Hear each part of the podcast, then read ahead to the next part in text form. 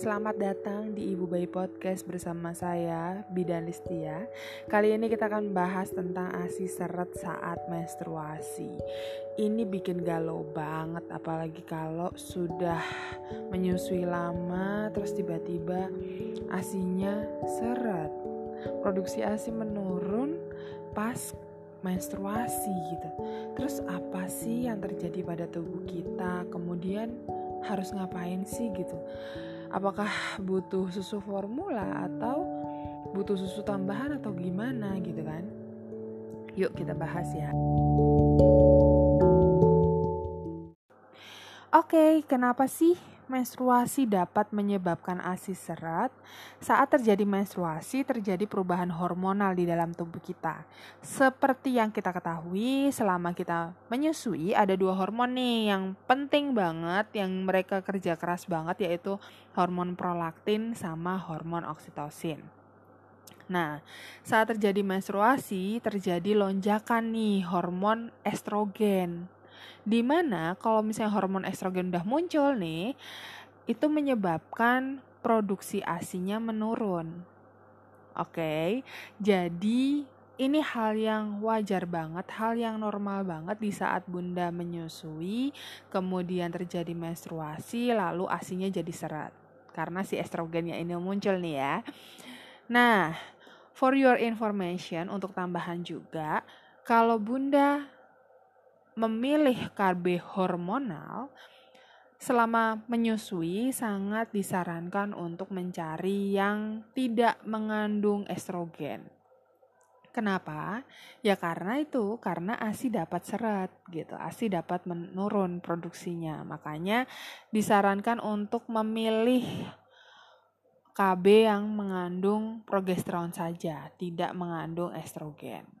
Oke, jadi kalau misalnya Bunda mau milih KB nih, apalagi sudah mulai menstruasi, jangan lupa ya, berarti udah mulai bisa hamil. Jadi silahkan untuk segera pilih-pilih KB yang terbaik versi Bunda. Dan ingat, KB alami pun itu disebut KB ya. Oke, walaupun Bunda mau pakai coitus interruptus ataupun pakai kondom itu juga masuk ke dalam KB. Kalau benar-benar Bunda tidak menggunakan KB berarti Bunda benar-benar tidak mencegah terjadinya kehamilan. Jadi kalau misalnya ada upaya untuk mencegah terjadinya kehamilan itu namanya Bunda sedang ber-KB walaupun KB alami. Oke. Okay. Um, selanjutnya apa sih yang sebaiknya dilakukan? lakukan selama menstruasi, selama asinya seret. Yuk dengerin ya selanjutnya ya. Yang pertama adalah tetap menyusui on demand. Jadi kalau misalnya bayi tetap membutuhkan ASI ya udah kasih aja tanpa um, diberikan susu formula tanpa diberikan donor ASI itu nggak perlu ya semuanya ya. Jadi tetap berikan ASI walaupun produksinya menurun karena ingat lagi ASI ini supply by demand. Jadi kalau misalnya ada ada yang butuh dia akan diproduksi lagi. Oke. Okay? Jadi jangan khawatir tentang produksi ASIMU Walaupun kesannya adalah dia sedikit, tapi semakin sering dihisap oleh anak kita, itu asinya malah semakin diperbanyak sama tubuh. Oke. Okay?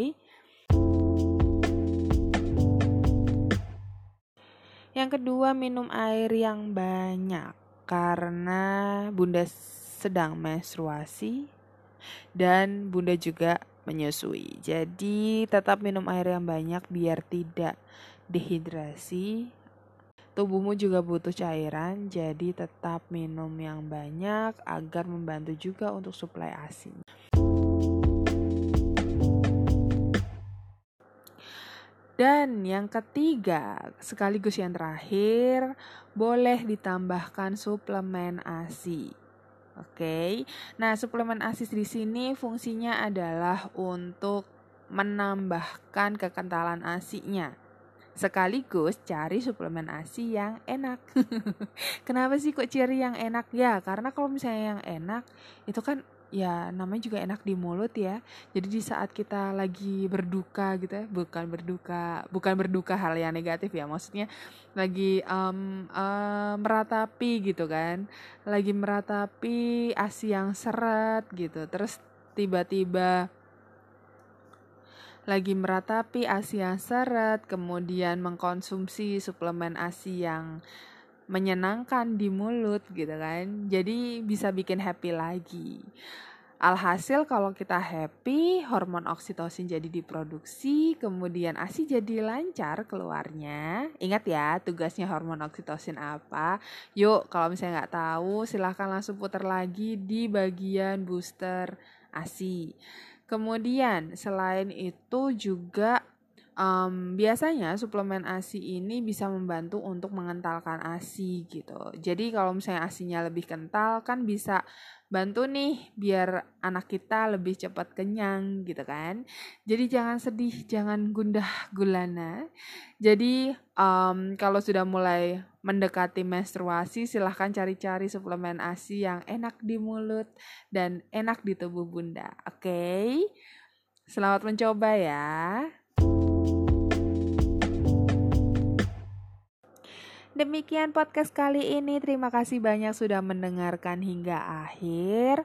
Kalau masih eh, nggak uh, tahu nih cara kerjanya prolaktin sama es eh sama kalau masih belum paham nih tentang kerjanya prolaktin dengan kalau masih belum paham nih tentang tugasnya hormon prolaktin dengan hormon oksitosin, silahkan langsung aja ke podcast kami sebelumnya yang berjudul Booster ASI. Di situ ada penjelasan semuanya. Kalau pengen tahu tentang uh, kontrasepsi selama menyusui juga ada juga di podcast ini. Silahkan cari-cari aja. Jika ada ide untuk judul atau topik yang selain jika ada ide untuk topik yang selanjutnya ataupun ada pertanyaan silahkan langsung hubungi kami di Instagram at Ibu atau di email ibubayipodcast kalau mau ikut kelas online juga boleh banget di newborn.id bisa ketemu langsung dengan saya. Kalau misalnya ada pertanyaan-pertanyaan mengenai uh, menyusui silahkan langsung hubungi saya juga di sana. Keterangan ada di description box ya. Sampai jumpa di podcast berikutnya. Jangan lupa setiap hari Kamis jam 7 malam. Dadah.